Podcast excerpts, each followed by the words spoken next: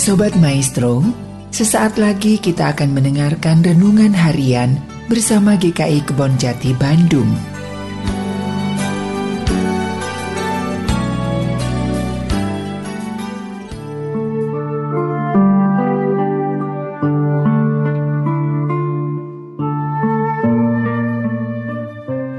Bapak Ibu dan saudara sekalian yang dikasih oleh Tuhan Yesus Kristus berjumpa kembali dalam renungan harian hari ini bersama saya Esther Solihin.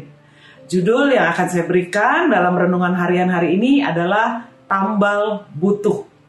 Itu adalah kalimat dalam bahasa Jawa yang berarti kira-kira kalau perlu, kalau butuh baru datang. Nah, Bapak Ibu yang dikasih Tuhan Yesus, ada ungkapan bahwa berdoa adalah nafas hidup orang beriman. Nafas dan menghirup oksigen adalah aktivitas yang selalu terjadi terus-menerus, bukan hanya kalau butuh saja atau saat tertentu saat-saat diperlukan. Kecuali mungkin dalam kondisi sakit dan kita perlu ditolong tambahan oksigen yang berasal dari sebuah tabung.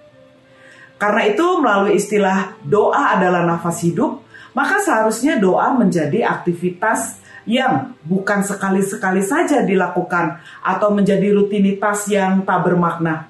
Tuhan Yesus sendiri mengingatkan bahwa berdoa itu harus dilakukan dengan kesungguhan. Firman Tuhan hari ini saya ambilkan dari kitab Yeremia pasal 2 ayat 26 dan 27. Demikian firman Tuhan. Seperti malunya pencuri, apabila kedapatan, demikianlah malunya kaum Israel, yakni para rajanya, pemukanya, para imamnya, dan nabinya yang berkata kepada sepotong kayu, Engkaulah Bapakku, dan kepada batu, Engkaulah yang melahirkan aku. Sungguh mereka membelakangi aku dan tidak menghadapkan mukanya kepadaku. Tetapi pada waktu mereka ditimpa malapetaka, mereka berkata, bangkitlah menyelamatkan kami. Ayat yang diucapkan oleh Yeremia dengan sangat tajam menegur gaya beribadah dan gaya berdoa umat Israel yang telah berpaling dari Tuhan. Mereka memang sepertinya beribadah dan berdoa, tapi hati dan ucapan doanya jauh dari sikap hidup sehari-hari yang berkenan yang seharusnya dilakukan sesuai dengan kehendak Tuhan hanya pada saat mereka mengalami kesulitan, maka mereka datang kepada Tuhan dan menuntut Tuhan dan mendesak Tuhan untuk melepaskan mereka dari kesulitan. Karena itu, Yeremia berkata bahwa saat mereka merasa tidak ada masalah, mereka memang berdoa dan beribadah, tetapi doa mereka hanya berdoa seperti pada sepotong kayu atau seperti pada batu saja bukan dalam rangka mencari hadirat Tuhan, tetapi justru mereka membelakangi Tuhan. Saat kesulitan datang dan pergumulan berat terjadi, barulah umat Israel memerintahkan kepada Tuhan, meminta dengan mendesak kepada Tuhan, dan kemudian mereka menyatakan jasa-jasa mereka sebagai orang percaya kepada Tuhan, supaya Tuhan melepaskan mereka dari kesulitan. Mereka akan berkata bahwa mereka rajin beribadah, rajin melayani, rajin berdoa, mereka bermurah hati, mereka memberikan persembahan dengan baik. Tetapi saat mereka merasa bahwa tidak ada kesulitan, maka mereka membelakangi Tuhan.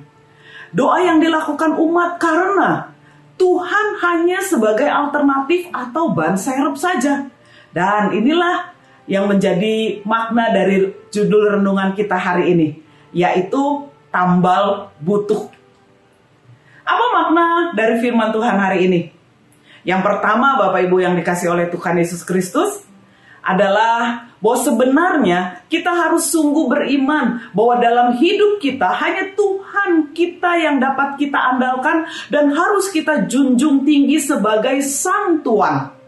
Yang kedua, karena doa adalah nafas hidup, maka jarang berdoa dan hanya berdoa saat butuh adalah kesalahan fatal. Sebab jiwa yang jarang berdoa dengan kesungguhan hati adalah seperti jiwa yang jarang bernafas. Doa adalah kebutuhan utama dari spiritualitas kehidupan kita bersama dengan Tuhan. Yang ketiga, Memang benar bahwa ada saatnya kita harus berdoa lebih tekun, lebih sungguh-sungguh seperti itu yang Tuhan Yesus lakukan di Taman Getsemani. Mungkin saat ada pergumulan berat atau saat ada peristiwa khusus yang terjadi, kita akan berdoa dan harus berdoa dengan lebih sungguh. Tetapi bukan berarti saat yang lain kita berdoa seperti kepada kayu dan hanya kepada batu saja asal-asalan saja. Dalam bulan keluarga ini, Bapak Ibu dan saudara sekalian yang dikasih oleh Tuhan Yesus Kristus, mari kita saling mendoakan anggota keluarga lebih sungguh untuk kesehatan mereka, untuk hikmat dalam hidup mereka, untuk ketaatan mereka kepada Tuhan dan untuk pertumbuhan iman mereka. Doa kita bukanlah hal tambal butuh Tuhan bukan alternatif atau ban serep yang saat kita butuh baru kita memaksa Tuhan untuk memenuhi keinginan dan kebutuhan kita. Tuhan kita adalah Yesus yang hidup bukan seperti kayu dan batu yang mati. Tuhan memberkati. Amin.